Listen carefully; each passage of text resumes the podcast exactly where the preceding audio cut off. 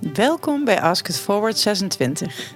Ik ben Suzanne Leclerc, ik ben oprichter van de Curiosity Collective en ik host deze podcast waarin ik onderzoekende leiders met elkaar verbind rondom een vraag die zij doorgeven aan elkaar. Dit keer is mijn gast Henk Navis. Henk is voorzitter van de Raad voor de Rechtspraak. Hij groeide op in Maarsen, studeerde recht in Utrecht, is vader van drie kinderen, grootvader van twee kleinkinderen en woont in Amsterdam. Ik heb hem niet gevraagd of hij getrouwd is, maar ik weet inmiddels wel dat vrouwenjustitia permanent in zijn woonkamer staat. Hij was eerder president van de rechtbanken Breda, Gelderland en Amsterdam. Daarvoor was hij werkzaam als rechter.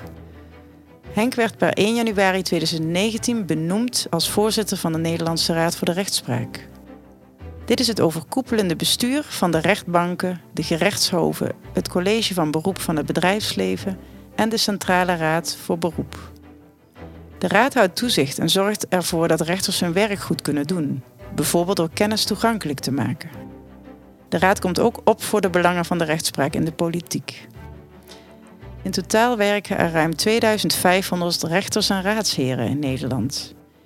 En zijn er 8000 gerechtsambtenaren dagelijks aan het werk vanuit de Raad voor de Rechtspraak. In 2020 werd er in 1,37 miljoen zaken recht gesproken. Henk deelde eerder dit jaar zijn zorg over de enorme werkdruk die rechters ervaren en vindt dat er financiering moet komen voor 200 extra rechters in Nederland. Hij vreest een toenemende afstand tussen het strafrecht en de samenleving. Dat onze mensen op hun tenen lopen, merkt de burger ook, zegt hij in een interview. Zoals vonnissen waarop mensen langer moeten wachten. Ook vraagt hij terughoudendheid ten aanzien van nieuwe wetten en regels. We leven in een bol.com samenleving, zegt hij. Vandaag bestellen is morgen leveren. En naar ons wordt ook op die manier gekeken. Maar daar is het strafrecht nog niet helemaal op ingericht. Tot zover zijn politieke boodschap. Want in Ask It Forward gaat het om één fundamentele vraag die we in een open, vrije, veilige ruimte onderzoeken. De vraag voor Henk is hem in de vorige aflevering van Ask It Forward toegezongen door Nienke Laverman. Tijdens het gesprek met hem ga ik op zoek naar het persoonlijk perspectief van Henk op deze vraag. Henk neemt me mee in de wereld en werking van de rechtspraak. Mij wordt duidelijk hoe leidend één principe in de rechtspraak doorwerkt in ons gesprek. Namelijk dat wat rechters als privépersoon denken, niet ter zake doet in de rechtszaal. Maar ergens in de tweede helft onderweg ontmoeten Henk en ik elkaar toch. In dat prachtige oude bankgebouw op de hoek van de Kneuterdijk met zicht op de Hofvijver. Geniet van Ask It Forward 26 met Henk Navis.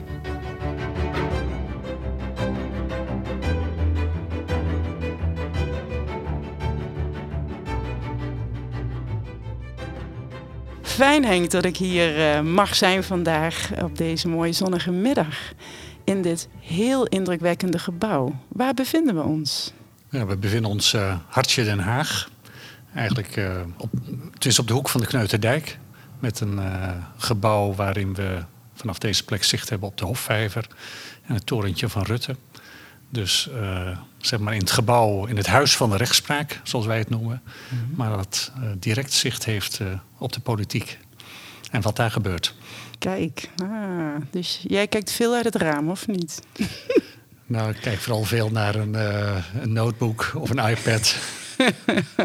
ja, dat is jammer, dat is jammer. Ik had er hele mooie beelden bij, want hier zijn nogal wat ramen. Schitterend pand. Um, Henk, ik kom jou een vraag brengen van Nienke Laverman. Zullen we daar samen eens naar gaan luisteren? Is goed. Nou, ook denk ik op het gebied van recht is er van alles aan het verschuiven en veranderen. Dus ik denk dat hij ook voor grote uitdagingen staat.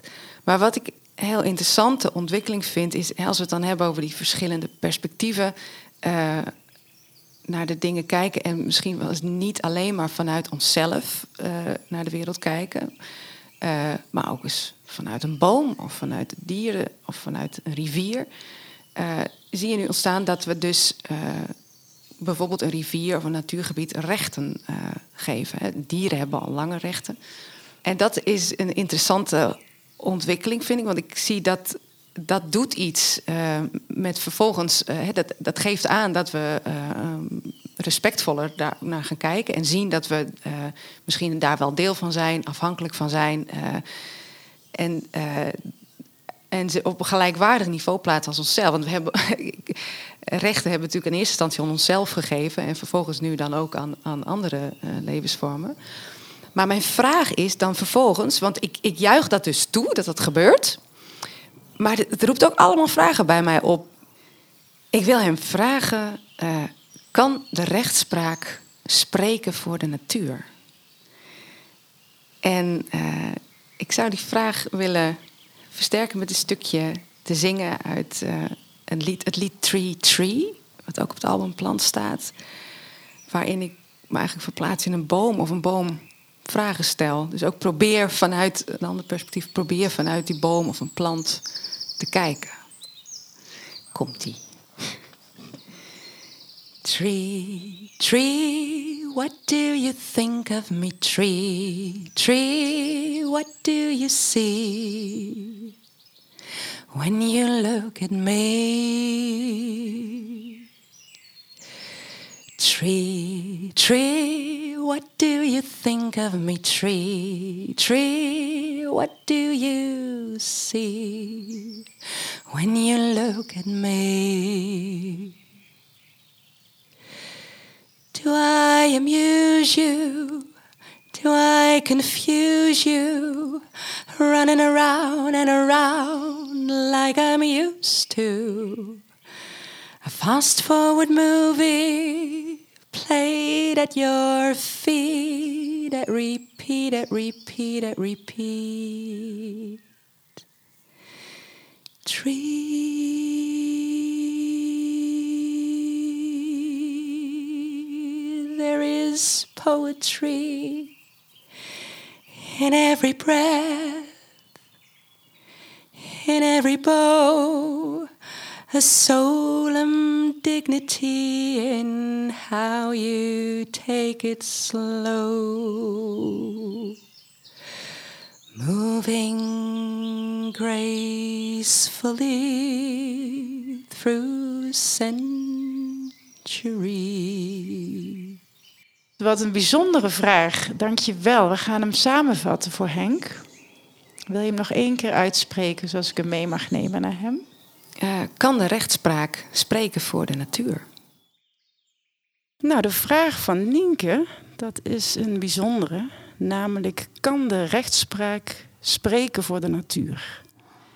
Ik wil eigenlijk eens beginnen. Uh, je hebt de vraag uh, gehoord, vorige week gekregen van mij. En um, in Ask It Forward vraag ik mijn gast altijd om zo'n vraag te laten bezinken. En dan eens aan te geven welk kunstwerk jij associeert bij die vraag. Dus mag ik eens vragen waar jij op uitkwam toen je deze vraag kreeg?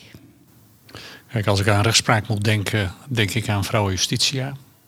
En vrouw Justitia, uh, daarvan heb ik een heel groot beeld. Ik denk een meter hoog, wat ergens in mijn uh, huis staat. Je zegt kunst, ja? maar dit beeld is kitsch.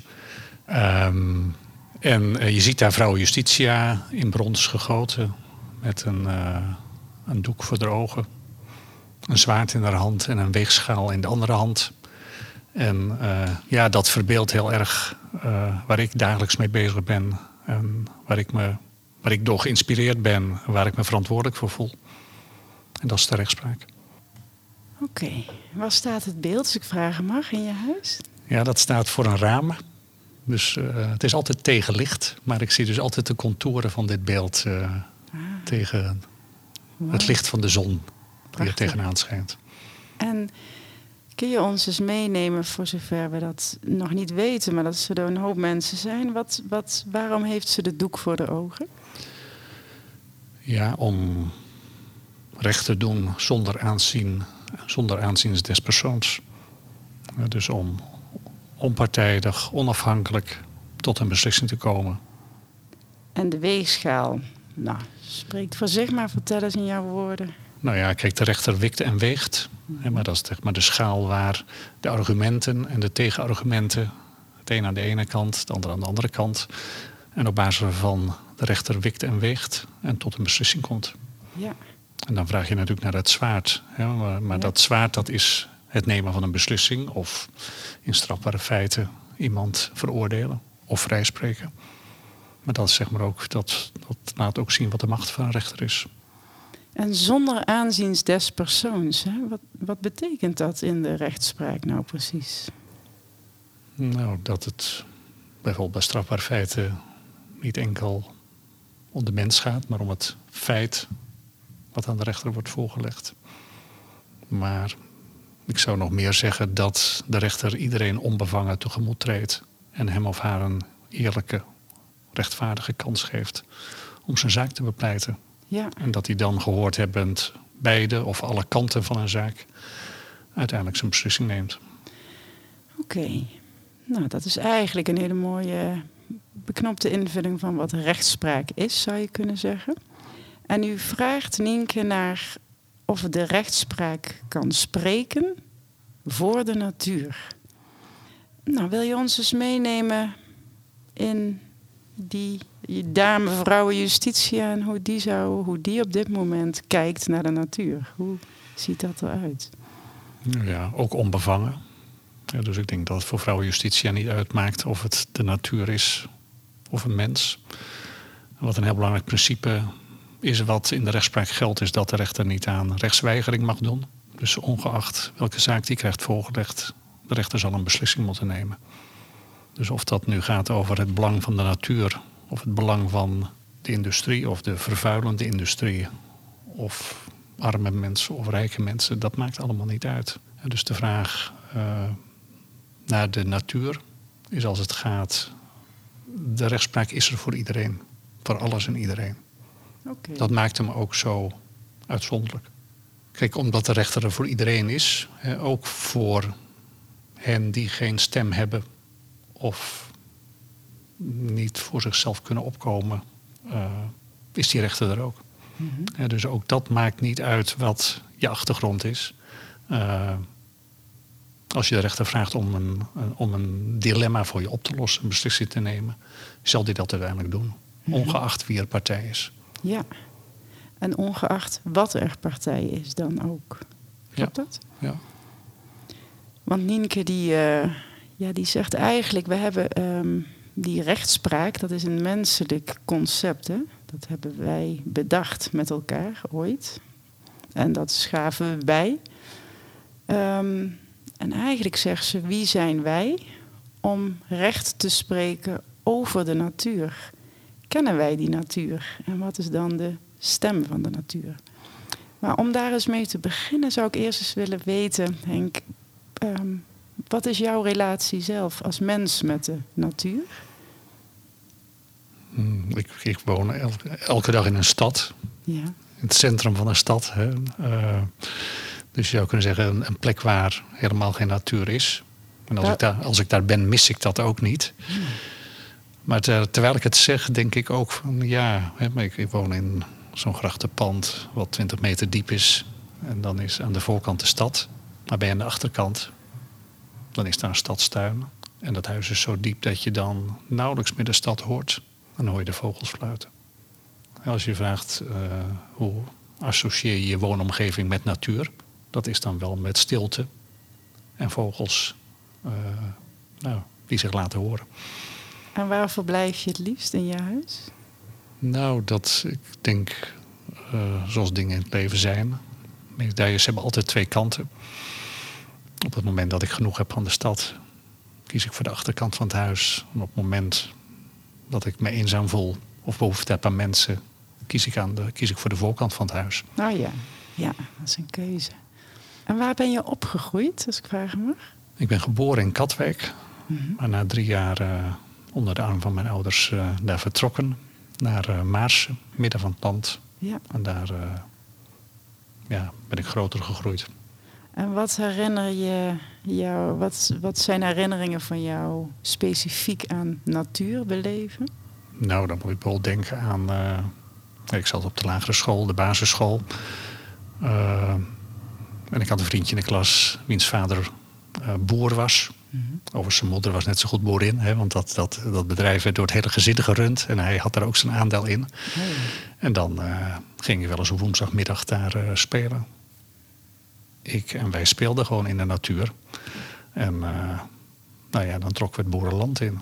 En dan uh, kwamen we opeens in een veengebied terecht. Waar we in wegzakten. Waar het maar goed was dat, uh, dat, de, dat de moeder van Jan, want ze weten die uh, klasgenoot, in de buurt was. Want anders waren we waarschijnlijk een kopje ondergegaan in het ja, veen. dat is serieus. Ja, dus de natuur, ja. ja, ook wel als roofdier. Ja. dus pas ook op. En, en bij Maarsen heb je een groot plassengebied. de Maaswezenplassen, Loosdrecht. Dus, dus in mijn jeugd was natuur ook water, Mm-hmm. zwemmen, vissen, roeien. Oh, mooi. Dus je was wel veel buiten. De natuur speelde wel een rol in. Ja, volgens ja. mij kinderen van toen speelden buiten. Ja. En daar was alle gelegenheid toe in uh, Maas en omgeving. Ja, mooi. Mooi gebied. Ja, zeker. Hoe kunnen wij eigenlijk spreken voor de natuur?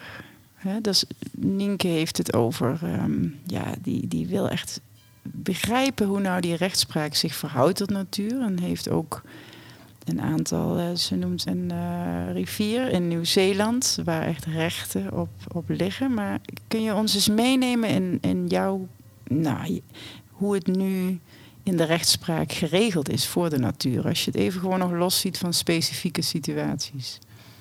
Nou, de rechtspraak is heel algemeen gesproken helemaal niet gericht op de natuur. Maar het is in Nederland wel zo dat heel veel natuur beschermd is. dus ik, ik, kan geen voorbeelden noemen, maar weet je, dit, dit is ook niet mijn vak en mijn, uh, mijn deskundigheid. Maar in heel veel regelingen, verdragen, wetten, lagere regelingen, wordt de natuur beschermd. En is het, ja, eigenlijk ligt daarin een opdracht aan ons allemaal om voor die stukken of die delen van de natuur die beschermd zijn op te komen. Ja. En dan is het uiteindelijk de overheid, de politie, uh, de boswachter, uh, noem maar wat, die, uh, die zeg maar de belangen van, zo van, de, van de natuur handhaaft. Dus als je in beschermde gebieden je niet aan de spelregels houdt die daar gelden, loop je uiteindelijk tegen een bekeuring op. Of als je ergens jaagt waar je niet mag jagen, dan nou ja, verlies je je wapen om maar, maar eens wat te zeggen. Ja. Ja, dat gaat echt over het menselijk handelen in relatie tot die natuur. En in hoeverre heb je ook wel eens uh, situaties gehoord waarin um, ja, er gevraagd werd om de natuur letterlijk een stem te geven? Is er wel eens een situatie, of kun jij je die herinneren in Nederland of het buitenland, waarin uh, de natuur uh, echt een stem gegeven werd en er en uh, nou, letterlijk iemand opstond in de rechtszaal om vanuit de natuur te spreken? Nou, er zijn natuurlijk in Nederland hele actieve belangenverenigingen die mm. opkomen voor de natuur. Mm. En ik ga ervan uit dat die spreken voor de natuur. Ja. ja. En natuurlijk ook altijd met het belang van de mens ten aanzien van de natuur. Want wij hebben daar natuurlijk zelf ook belangen bij. Ja. Je bent al heel lang, hè? je hebt allerlei. Uh, ja, je bent echt. Hoe lang werk je al in de rechtspraak? Dat is. Uh, meer dan 30 jaar. Meer dan 30 jaar. Ja. Heb je daar iets in zien veranderen door de decennia heen als het gaat om de rol van de natuur in relatie tot rechtspraak? Ik denk dat. Kijk, het gaat niet om de rechtspraak. Maar het gaat in heel veel gevallen om regelgeving. om wetten. Mm -hmm. Om lagere regels. En waar je in toenemende mate ziet dat, uh, dat niet alleen mensen beschermd worden, maar dat ook dieren beschermd gaan worden. En dat nou ja, andere delen van de natuur ook beschermd gaan worden. En dat, ja, ik denk dat dat, als ik het heel simpel zeg, een ontwikkeling van na de Tweede Wereldoorlog uh, is. En die ontwikkeling uh, heb ik wel gezien. En dan is, is de rechtspraak volgzaam. Want als die als die regelgeving er is, worden wij vervolgens geconfronteerd met zaken die op die regelgeving gebaseerd zijn? Eh, mag je bouwen in dit gebied? Kan er een weg worden aangelegd door een bos heen? Uh, nou, dat zijn allemaal momenten waarop een rechter uh, voor een afweging van belangen gesteld wordt. Woningbouw, economische belangen, belangen van de natuur, van natuurbehoud. Ja. En elke keer is het dan wegen vanuit de situatie die er is, neem ik aan. Dus je zegt eigenlijk. Je zonder volgt... onderscheid des persoons. Dus het is ook niet zo dat de natuur altijd voorop staat. Ik heb zelf als rechter ook uh, genoeg zaken gedaan waar. Ik heb altijd in grote steden gewerkt en in steden heb je altijd zaken over het kappen van bomen. En er zijn altijd natuurbewegingen die daar uh, tegenop komen. Uh, en, en, daarin heb ik heel vaak een afweging moeten maken tussen nou, het doorgaan van bouwactiviteiten of het behoud van, van bomen, ja. een bos of slechts maar één enkele boom. Ja. En is daar iets in veranderd? Hè? Want ja, de noodkreet neemt toe hè, van ons in de wereld. Corona heeft ons ook uh, in die zin laten zien dat we in feite ook nog maar wel, ja, misschien wel wat nederig moeten zijn ten aanzien van natuurlijke ontwikkelingen. Um, het is niet zo dat, kijk, natuur wordt alleen maar belangrijker als degenen die wetten maken, regels maken, verdragen maken, vinden dat de natuur belangrijker moet worden. Daar heeft de rechter geen zelfstandige rol in. Nee. En dat kan betekenen dat soms de natuur uh, een zetje in de goede richting krijgt van de rechter. Maar soms ook niet. Ja. Omdat andere belangen zwaarder moeten wegen dan die van de natuur. Ja, dit is een interessante. Hè? Dan kom je echt op een. Uh, nou ja, dan, dat is die weging natuurlijk. Maar wil je eens vertellen hoeveel rechters hebben we in Nederland? Ik heb hoofd gezegd 2300. De laatste tijd in het kader van verkiezingen zeg ik altijd en 200 te weinig. dus laat ik die verkiezingsinformatieboodschap uh, ook maar afgeven hier. Oké, nou goed. Ik zal hem uh, meenemen, hoewel het wat later wordt uitgezonden. Je mag hem eruit knippen. Beste regering, als jullie dit met terugwerkende kracht hoor. Nou ja, vertel eens. Is het, uh, ik heb je natuurlijk gelezen, bestudeerd. Het is wel een oproep die je doet. Um, zit daar ook een relatie? Uh, er is dus een tekort, zeg je. Er is meer mankracht nodig. Wat is er veranderd ten opzichte van vijf jaar geleden? Nou, heel, dat is een hele algemene vraag. Maar wat er, er door de jaren heen gebeurt, is dat zaken zwaarder zijn geworden. Maar goed, critici zullen zeggen, uh, maar jullie krijgen ook de laatste tijd wel minder zaken. Uh, niet alleen nu in coronatijd, maar ook in de periode daarvoor zie je een, een dalende tendens in het aantal zaken wat uh, rechtspraak behandelt. Mm -hmm. We behandelen ongeveer uh, door de jaren heen gemiddeld anderhalf miljoen zaken per jaar. Dat wordt wel minder. Maar zaken worden ook complexer. En daarin speelt bijvoorbeeld een rol de, de, hoe gemakkelijk informatie toegankelijk is. Vroeger moest je naar de bibliotheek en, en ja. op zoek naar het juiste boek om bepaalde informatie op te halen. Op dit moment uh, ga je even naar Google toe, tik je een paar trefwoorden in en krijg je een paar honderdduizend hits. Die misschien wel gaan over het onderwerp waar jij mee bezig bent. Ja. Dus, dus wat je al ziet is dat dossiers dikker worden. Ja, nee, die dossiers worden digitaal, dus die zijn onzichtbaar. Maar qua omvang steeds omvangrijker, omdat de informatie die partijen aan de rechter verstrekken. Uh, steeds omvangrijker wordt. Ja. En voeren jullie onderling met rechters in je organisatie ook gesprekken over de zaken bijvoorbeeld als de waarde van natuur in de samenleving? Nou ja, rechters zijn uh, gewoon mensen. Ja. En onderdeel van die samenleving. Dus zij hebben ook al die kennis en ervaring die jij hebt. Uh, en dat nemen ze mee in hun werk als rechter. En, en spreken rechters over de natuur? Nee. Ja, tijdens de lunch. Uh, zij spreken met elkaar over het recht en wat recht is.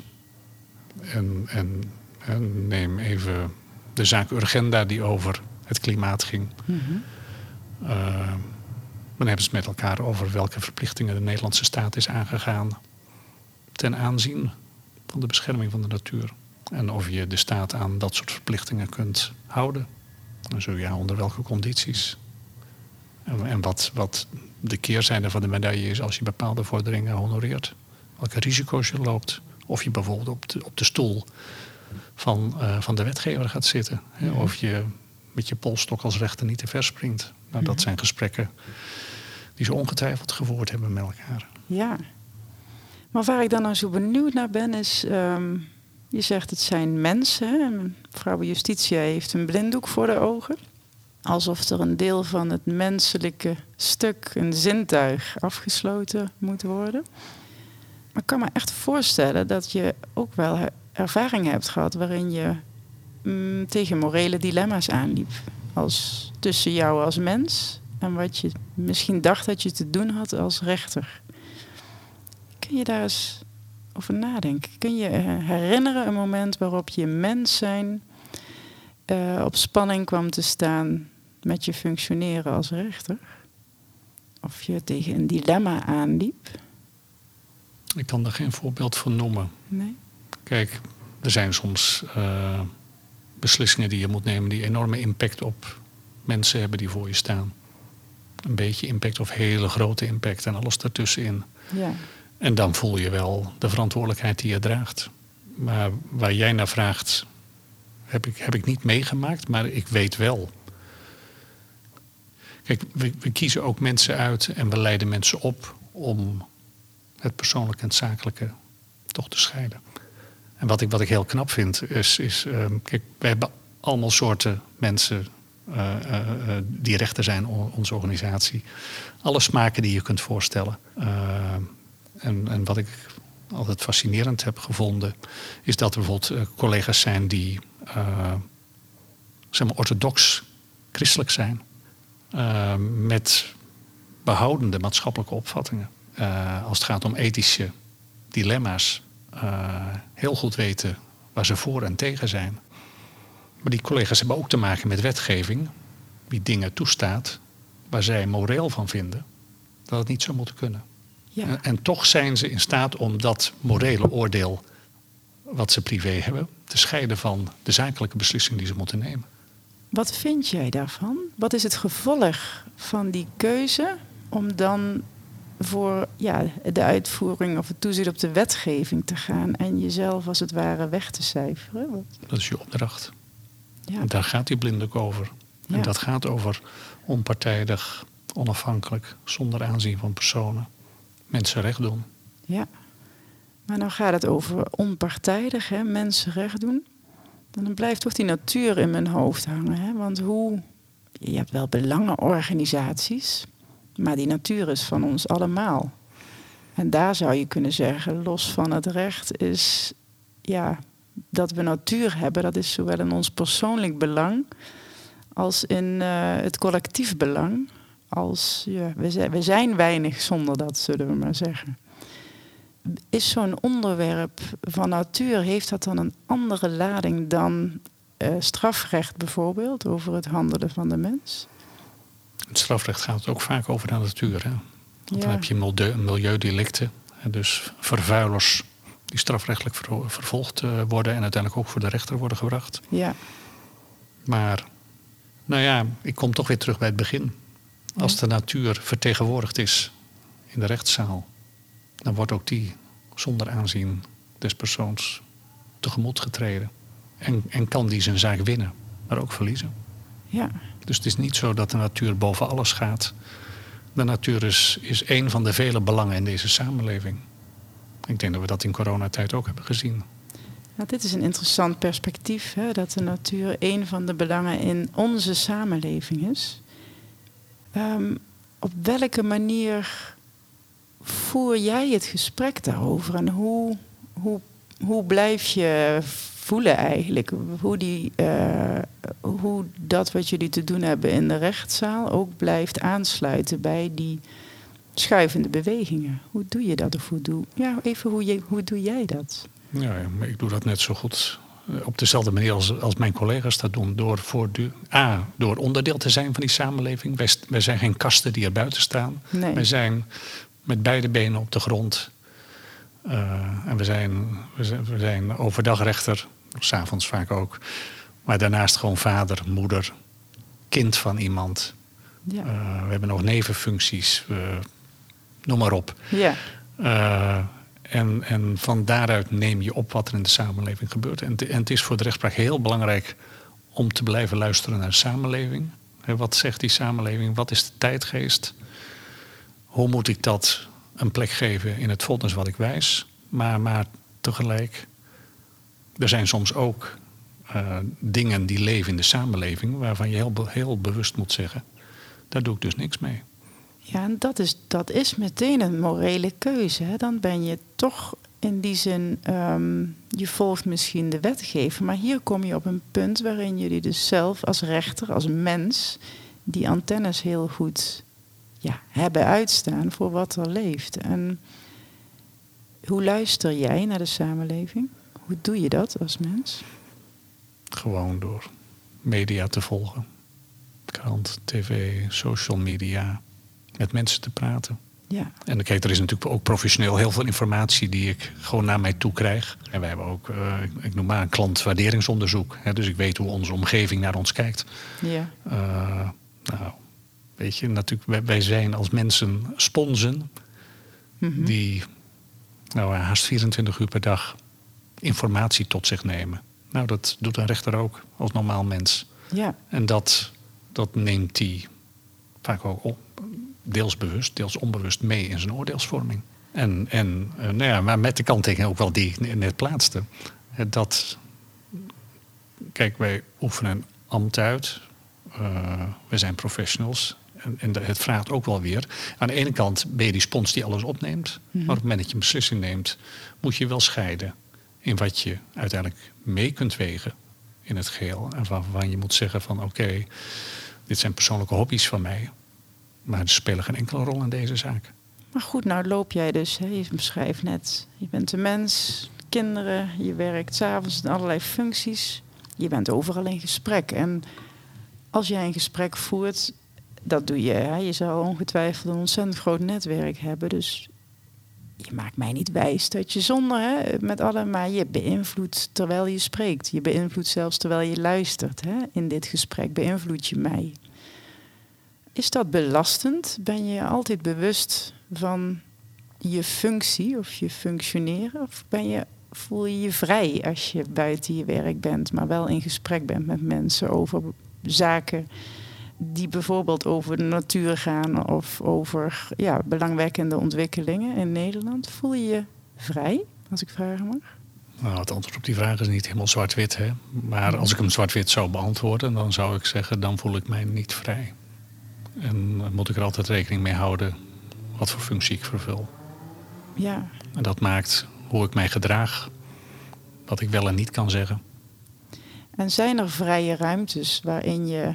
Kijk, laat ik een verlangen uitspreken. Laat ik iets wat mij fascineert uitspreken. Als je het hebt over 2300 rechters, en het zouden er 200 meer moeten zijn, dan denk ik, goh, alles eh, wat jij ziet, wat jouw collega's zien gebeuren, dat is natuurlijk een unieke bron van wijsheid waarvan ik zou verlangen dat die wijsheid wordt benut voor de samenleving op een manier eh, waarbij even het oordeel niet geveld hoeft te worden. Ik denk, mij lijkt dat de samenleving heel veel baat heeft bij vrije ruimte creëren om ook eens naar jullie te luisteren in wat jullie zien als mens. Omdat die positie zo uniek is en die ja, veelheid aan onderwerpen die voorbij komen natuurlijk een heel bijzonder perspectief geven op de samenleving. Is zoiets mogelijk? Zou er een ontmoeting kunnen zijn waarin de functie wordt neergelegd en men vrijheid kan spreken over wat men ziet en vindt als mens? Ik vind het volstrekt niet interessant wat wij vinden als mens. Ik vind wel interessant wat wij vinden als rechtspraak, institutioneel. Ja, En ik vind zeker dat wij zeg maar, de kennis en ervaring die we in die anderhalf miljoen zaken jaarlijks opdoen, moeten teruggeven aan de samenleving. En dat we een soort van spiegel moeten voorhouden. En zeggen, dit is wat ons opvalt. ja, En concreter makend, hè, dan geef je in de regel je zorgen terug. Ja. Om de samenleving te beïnvloeden en te richten. En dat, dat, dat, eh, dat doet de rechter eigenlijk altijd in de individuele zaak. Ja, want er, een belangrijke rol van het recht is, het, het recht ordent. Maar het, het, het ordent de samenleving, maar het recht normeert ook de samenleving. Eh, maar wat wel, ik noem het maar even, nieuw is, hè, waar we op dit moment over praten, is dat we meer eh, stelselmatig, meer geabstraheerd van de individuele casus, terug zouden moeten geven aan de samenleving wat wij zien. Oké, dat speelt. En dat speelt, dat is, dat is hoogst actueel. Ja, Uh, en daar heeft de toeslagenaffaire ook een rol in gespeeld. Hè. Als er misstanden zijn, Eh, en die heb je al eerder gezien. Ja. Komt de vraag op tafel, waarom heb je dat niet eerder teruggegeven aan die samenleving? Ja. Dus dat is ook wel een soort van wake-up call geweest. Ons is al is eerder voorgehouden van rechtspraak. Je zit op een berg aan informatie. Geeft die ook terug aan de samenleving? Nou, dat hebben wij lang niet gedaan, even los van de individuele zaak. Maar wij hebben nu wel een begin gemaakt om dat soort informatie wel terug te geven. Wat mooi. En hoe, hoe doen jullie dat? Hoe hebben jullie dat begin gemaakt? Nou, we hebben ehm, dit voorjaar ons jaarverslag over 2020 uh, uitgebracht. En daarin staat voor een deel ook feedback naar de samenleving, naar, naar regering en wetgever uh, toe. Uh, over wat, wat ons is opgevallen. Ja, wat mooi, wat waardevol. Dan haal je dus, dat zijn collectieve waarnemingen, neem ik aan. Dat hebben jullie. ehm, voel je daar meer ruimte om jullie zelf als mens te laten spreken over wat jullie zien gebeuren? Of komt dat ook weer echt vanuit, is dat een samen, gaat het altijd via de rechtspraak en de individuele situaties en daar trekken jullie een aantal conclusies uit? Is dat de route? Wat de mens achter de rechter vindt, vind ik niet interessant. Of vind, vind ik razend interessant. Ik vind mijn collega's enorm interessant. Um, maar dat is niet wat, het beeld wat ik naar de samenleving uh, wil neerzetten. Ik zeg ook altijd aan, tegen collega's die op persoonlijke titel zich in de media roeren. Dan zeg ik van, dat is geen persoonlijke titel. Mensen zien jou als rechter.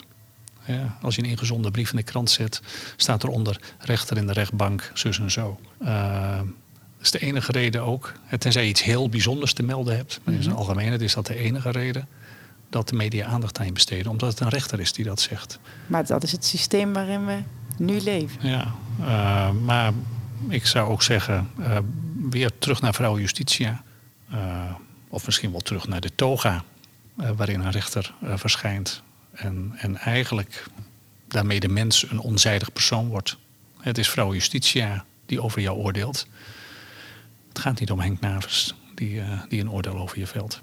En wat hij als persoonlijke opvatting of als persoonlijke levenswijze heeft. Nee, het is de rechtspraak die een oordeel over jou velt. Of vrouw justitia die een beslissing over je neemt. Maar het is niet de mens achter de rechter. Ja, daar zou ik heel graag nog eens lang met je over. Want uiteindelijk zo is mijn perceptie altijd, maar dat is vanuit uh, dialogische principes beredeneerd, dat je zeg maar, collectieve wijsheid is altijd meer dan een verzameling van individuele wijsheden als je begrijpt hoe je met elkaar een gesprek moet voeren. Um, wat uiteindelijk zijn wij het systeem. Hè? Ik bedoel, een van de, denk ik, grote uh, de redenen waarom, ja, waarom we vaak, uh, uh, waarom er ook heel veel misstanden zijn in mijn perceptie, is omdat mensen zichzelf buiten het systeem plaatsen of denken dat het niet over hen gaat, dat zij er geen onderdeel van uitmaken. Ik vind het helpend om te denken dat ik onderdeel ben van het systeem. En dat in alles dat ik zelf doe in mijn leven, ik de verantwoordelijkheid heb als mens om het goede te doen. Dus ik begrijp heel goed de knip die je maakt. Hè. Um, en tegelijk voel ik een enorme behoefte maatschappelijk. En daar, ja, die voel jij vast ook. Daar gaat het veel over. Om meer vertrouwen te krijgen. In politiek, in regering. Mensen hebben iets nodig. En hebben mensen uiteindelijk gewoon niet nodig om de mens te zien die zijn verantwoordelijkheid neemt. In zijn functie, denk je? Of hoe kijk jij naar dat onderwerp? Vroeger zei men, uh, de rechter is de spreekbuis van de wet. Tegenwoordig zou ik dat heel eenzijdig vinden, maar zou ik zeggen: de rechter is de spreekbuis van het recht. Maar de rechter is geen spreekbuis van persoonlijke opvattingen. Nee. Die heeft hij wel, die heeft elke rechter. Um, maar die zouden. Kijk, die spelen, die spelen natuurlijk altijd een rol. Want een mens blijft een mens met al zijn bagage. Maar ik zou toch zeggen dat het rechtleidend zou moeten zijn. En dat is die ook mm-hmm. bij rechters. En daar word je in getraind. En dat is wat de samenleving vraagt. Want de samenleving zit vol met opvattingen, oordelen, stellingen die niet op feiten gebaseerd zijn. Uiteindelijk wil men terecht kunnen bij iemand die niet enkel opvattingen heeft omdat hij, dat het zo interessant lijkt, maar gewoon iemand die onderzoekt hoe de feiten zijn, die weet hoe het recht luidt. En op basis van die combinatie een oordeel velt. Ja. En wie maakt nou uiteindelijk het recht? Ja, wij maken met elkaar het recht. En wat het recht is, is, eh, is dat is wat, wat de rechtenstudent eigenlijk bij het eerste college leert. Dat het recht opgebouwd is uit allerlei elementen. Dat je verdragen hebt die internationaal worden vastgesteld. Dat, eh, dat er wetten zijn, lagere regels. Dat er de gewoonte is. er zijn gewoontes in ons land die zo sterk zijn dat dat recht is. Eh, er is jurisprudentie, rechtersrecht, de uitspraken van rechters. Er is, en ik dacht eigenlijk dat je daar nou zou gaan vragen, er is ook nog natuurrecht. Ja, daar komen we nu bij, want ik wilde vragen hoe zit. Vertel ons eens even hoe dat eruit ziet, het natuurrecht. Ja, dat is, dat, dat is een, een, een term die op het verkeerde been kan zetten. Het, het natuurrecht, dat, dat was er al onder de oude Grieken en Romeinen. Ja. Dat, dat is eigenlijk, dat zijn universele regels en principes die altijd en overal gelden. Dat is bijvoorbeeld uh, ja, dat mensen gelijk moeten worden behandeld. Dat is een natuurrecht dat wij allemaal hebben. Ja. En noem maar nog eens een. Wat is, heeft een boom een natuurrecht? Nee. Nee.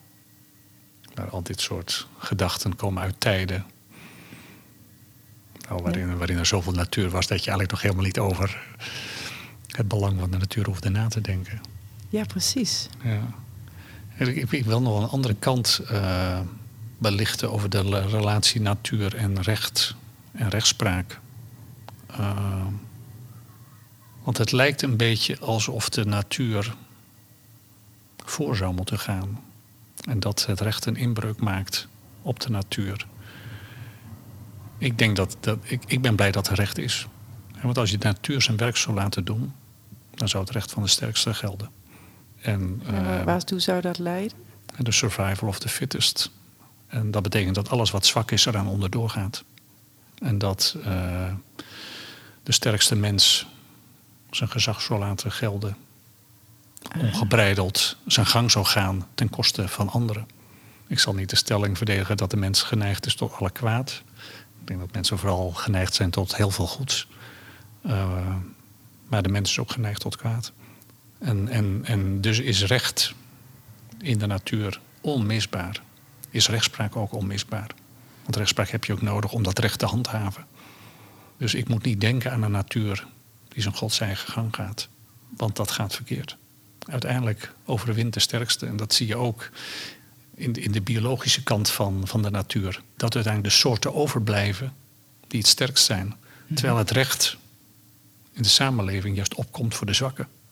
Interessante gedachte, want Nienke vertelt in de podcast over het boek The Giving Tree, waarin er een jongetje uh, opgroeit met een boom.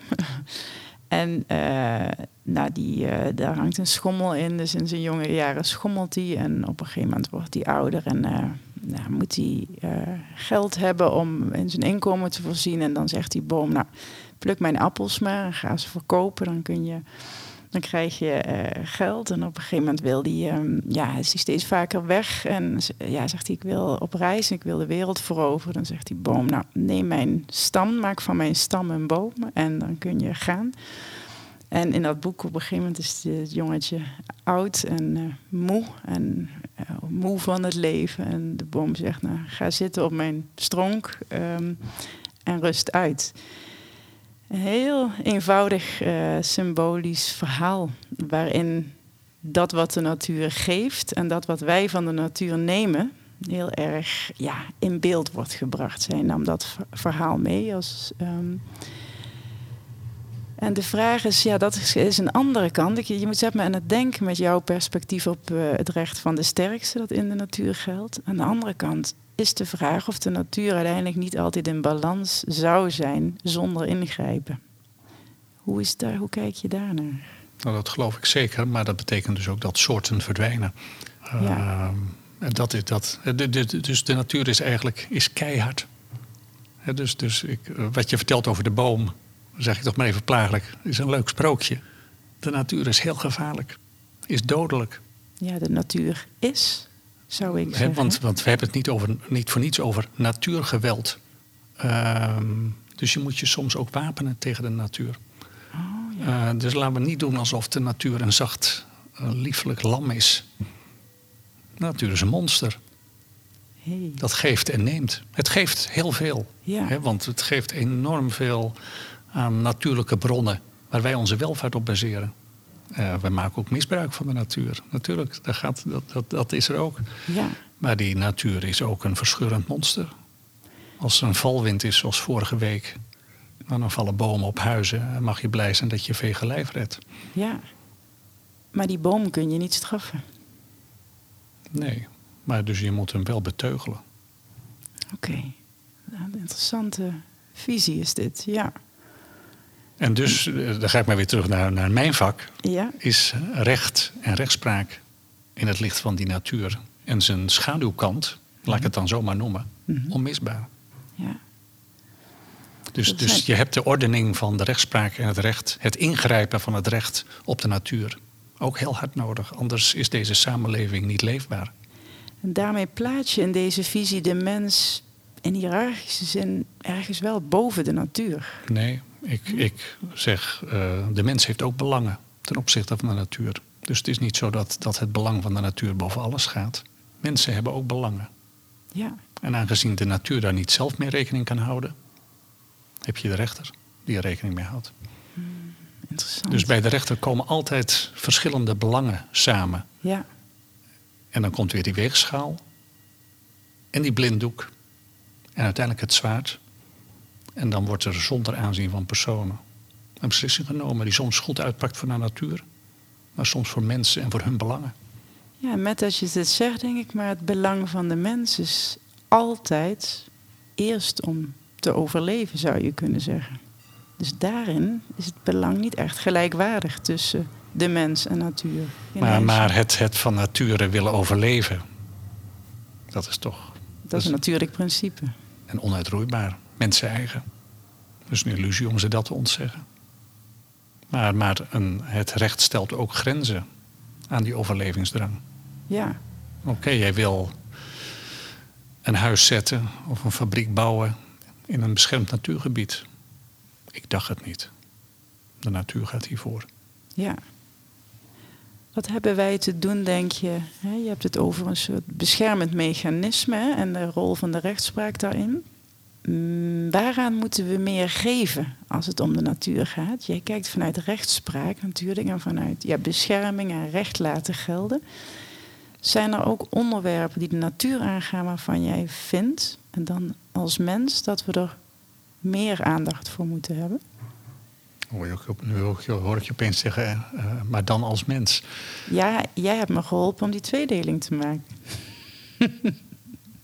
ik zou je het liefst de hele tijd als mens bevragen. Ja, maar ik, jij interviewt me hier als functionaris.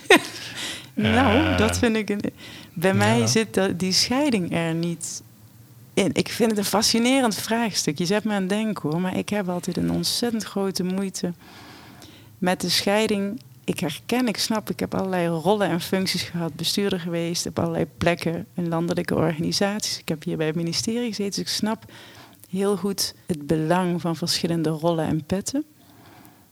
Eh, Maar ik wil misschien, en dat is ook een, visie, en dat toets ik bij jou ook, daarom fascineert die vraag me zo. Ik wil zo graag dat wij onszelf als mens, eventueel via werk, verbinden met dat wat nodig is van de wereld, voor de wereld. Dus in mijn. eh, even geen misverstand, hè? Nee. Eh, de, de, de, de- een van de belangrijkste missies van de rechtspraak is om rechtvaardigheid in deze samenleving gestalte te geven. Ja, Nou, dat is toch geweldig om daar een bijdrage aan te leveren. ja, dat snap ik. Dat, Voor mij als mens Ja. en als professional overigens ook. Ja. Heb je ook Maar geen misverstand, hè? Die samenleving verwacht niet een mens. Die verwacht een instituut wat voor rechtvaardigheid zorgt. Ja, Is echt. En daarin luisteren we heel goed naar de samenleving. Dus, dus wat jij zegt of, of suggereert, wil de samenleving helemaal niet. Wat ik, me zou, wat ik een heel boeiend experiment zou vinden, is als we rechters in Nederland samen met heel veel verschillende andere mensen met andere posities en functies laten onderzoeken in een oordeelloze ruimte hoe zij kijken naar bepaalde grote vraagstukken.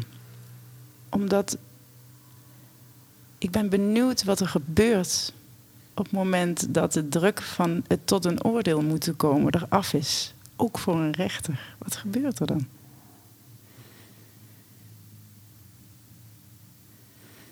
Nou, je hoort me zwijgen. Uh, ik moet aan iets anders denken. En wat, wat, wat wij, even over experimenten gesproken, wat wij wel doen is. Kijk, mensen hebben, als het gaat om de zaken die ons worden voorgelegd, Mhm. heeft elk mens een oordeel. En, en wat wij met mensen doen, is om ze te vragen, eh, in sommige gevallen het dossier ook zelf eens te lezen. Om veel meer informatie over de zaak tot zich te nemen. En dan tot een oordeel te komen, zoals een rechter ook tot een oordeel komt. Dat is interessant, ja. En eh, dan is bijvoorbeeld een lijn eh, waar, als het gaat om strafbare feiten, het oordeel vooraf altijd is: Barbertje moet hangen, stevig ook. En op het moment dat ze van dossier kennis nemen en ze gaan verdiepen in de zaak, dat ze er opeens anders naar gaan kijken. Ja, En in heel veel gevallen, als je aan hen vraagt: wat voor straf zou je opleggen? Dat ze op een lichtere straf uitkomen dan de rechter uiteindelijk zelf in die zaak voor gekozen heeft. ja. Interessant. En hoe komt dat, denk je? Wat doet die informatie dan met iemand? Wij, wij, wij hebben, wij hebben een samenleving waarin iedereen over alles oordelen heeft. Nou, dat is denk ik inherent aan mensen. We hebben over alles een oordeel. We zijn weer die spons die alle informatie tot zich neemt in een fractie van seconde eh, eh, weet. Hij deugt, zij deugt niet. Ja, En dan, dan bij die experimenten gaan burgers ontdekken, eigenlijk wat ik net ook al heb gezegd, dat er veel meer belangen achter een dossier zitten. ja mooi. Ik, En, en dan gaan ze die belangen wegen en dan komen ze tot een hele andere keuze. Nou, ik, het raakt me wat je zegt, omdat het misschien precies wel is. Ik heb mezelf ooit echt voorgenomen om mezelf te trainen in oordeel uitstellen. Dus ik ben. eh is een van de beste dingen die ik in het leven heb geleerd of gedaan. En dat blijf ik trainen en ontwikkelen. Maar het is precies dit, ook vragend vermogen. We hebben bij de Curiosity Collective een paar principes van waaruit we werken. En één daarvan is vragend vermogen ehm, stimuleren, Ja. vragen stellen. Dat doen jullie dan eigenlijk ook in dit experiment. Hè? Dat vragen- stel je oordeel uit. Hè? Ja, Ik, ik, eh, kijk, ik ben nu vooral bestuurder, maar in mijn vrije tijd ben ik, nog, eh, ben ik al heel lang voorzitter van een klachtencommissie in het onderwijs. oh ja. En, en eh, dat doe ik met een groep mensen die dat ook al heel lang doen. En, en dan, wij zeggen wel eens tegen elkaar, weet je wat zo fascinerend is? We praten altijd voor over de zaken en dan hebben we een oordeel. We hebben altijd over elke zaak een oordeel. En Ja. dan zeggen we, en weet je, achteraf blijkt het altijd anders te zitten. ja, mooi. Dan spreek je de mensen en denk je van, "Gh, Ja, had ik niet in de stukken gelezen. Het zit toch anders. En, en op basis van de stukken geloofde ik die ene partij. Nu ik, het, nu, ik ze, nu ik ze persoonlijk heb gesproken. Ik geloof er niks meer van. nee, precies. En, wa- en wat En, maakt... en daar worden rechters dus in getraind. Tot, tot ze tuurloos worden in stel je oordeel uit. Ja, Ga onbevangen naar partijen kijken. Top. Hou je emoties een beetje in bedwang. ja, En dus, dat is ook zoiets. Hè? Rechters zijn natuurlijk mensen. Ik ben ook iemand met emoties. ja. Maar die zaken, hou ik ze in bedwang. Of in ieder geval, ik doe er alles aan om dat zoveel mogelijk te doen. ja. Lukt niet altijd. Dat is een ander principe, dat noemen wij slimme sensitiviteit. Dat je zin geeft aan je zinnen. Dus eh, je emoties niet laat. Ik heb heel veel gewerkt in bestuurskamers, organisaties, begeleid. En de werking en het nut van intuïtie bijvoorbeeld, of voelen in het moment dat iets relevant is, dat zijn allemaal hele belangrijke antennes. Eh, maar het gaat inderdaad precies over het waarnemen, eh, voelen wat je voelt en daar betekenis aan kunnen geven. Dat is iets heel anders dan sentiment volgen of dan emotievol eh, direct primair reageren. Dus ik zie het is interessant die overeenkomst. Alleen wat ik wat me ontzettend ingewikkeld lijkt, wat ik in ieder geval in mijn werkende leven niet hoef te doen en jullie wel, is op een gegeven moment dat zwaard laten vallen. Dus het gaat er allemaal, eh, het leidt uiteindelijk tot een oordeel. Zijn er ook situaties bekend waarin het oordeel nooit gekomen is of gevallen is? Werkt dat niet zo? Nee, ehm, dat is iets wat ik net al even aanstipte, hè, maar dat, dat heet dan uh, dat de rechter niet aan rechtsweigering mag doen. Oh, dat is dus het dan. in elke zaak volgt een oordeel. En als je het nog niet weet wat het oordeel zou moeten zijn, dan hou je de zaak aan. En dan onderzoek je zaken verder of vraag je een deskundige om je te laten adviseren. Maar uiteindelijk moet je altijd een beslissing nemen. Even, twee slogans, ze klinken misschien hol, maar ik, ik vind ze heel erg op, op mijn werk van toepassing. Wij zeggen altijd, rechtspraak maakt samenleven mogelijk. Even, dus niet het recht van de sterkste, maar ook de zwakke heeft een plek in deze samenleving en daar zal de rechter desnoods voor opkomen. Maar ook uh, dat mensen door tussenkomst van de rechter weer met hun leven door kunnen. Als er conflicten zijn, dat kan een echtscheiding zijn, gedoe over de omgang met kinderen, kan een mhm. strafbaar feit zijn, staat het leven van mensen stil. De rechter zorgt ervoor dat je weer door kunt en weer naar de toekomst kunt gaan kijken. Ja. Goed Henk, we gaan naar een afronding ten aanzien van de vraag van Nienke. Er is veel gepasseerd en de natuur ook, maar ook jouw natuurlijke blik op de rechtspraak. Als je nou in het kort na deze verkenning een antwoord zou willen geven op de vraag van Nienke: kan de rechtspraak spreken voor de natuur? Wat is dan jouw antwoord? Ja, de rechtspraak kan spreken voor iedereen, dus ook voor de natuur. Oké, dankjewel. Henk, Um, de volgende gast in Ask It Forward is Bright Richards, oprichter van New Dutch Connections. Een hele mooie organisatie. Um, je hebt je verdiept in hem, in de organisatie. En wat is jouw vraag voor Bright? Ja, en die vraag, ik ga hem niet zingen, zoals mijn uh, vragenstelster. ik ga het gewoon uh, uh, met mijn eigen stem, of in, anderszins in woorden vatten. Nou ja, wat ik wat ik bij hem zie is dat hij met diversiteit bezig is. Superdiversiteit, daar heeft hij het over. En wat ik zie, maar wat ik ook merk bij mezelf, is dat er rond dat onderwerp diversiteit een soort verkramptheid is. En dat leidt soms tot politiek correct gedrag. Dus mijn, mijn vraag en hulpvraag is: hoe zouden we met diversiteit aan de slag kunnen zonder ons daarin politiek correct door gedragen. Hoe gaan we op een meer ontspannen manier met het onderwerp om? Zodat ik soms een fout mag maken, zonder dat ik onmiddellijk op de vingers getikt word. Prachtig. Dat is waar ik benieuwd naar ben. Dankjewel, die ga ik doorgeven. Hartelijk dank. Graag gedaan. Voor deze hele mooie podcast. Dankjewel Henk.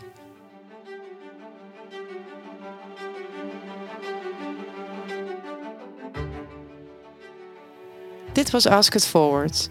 Ik hoop dat er ergens onderweg in het luisteren nieuw perspectief bij jou is ontstaan. Wil je meer weten over de Curiosity Collective? Schrijf je dan in voor onze nieuwsbrief via mail tcc.contact. En volg of abonneer je op onze podcast in elk podcastkanaal vindbaar om onze andere podcasts ook te luisteren.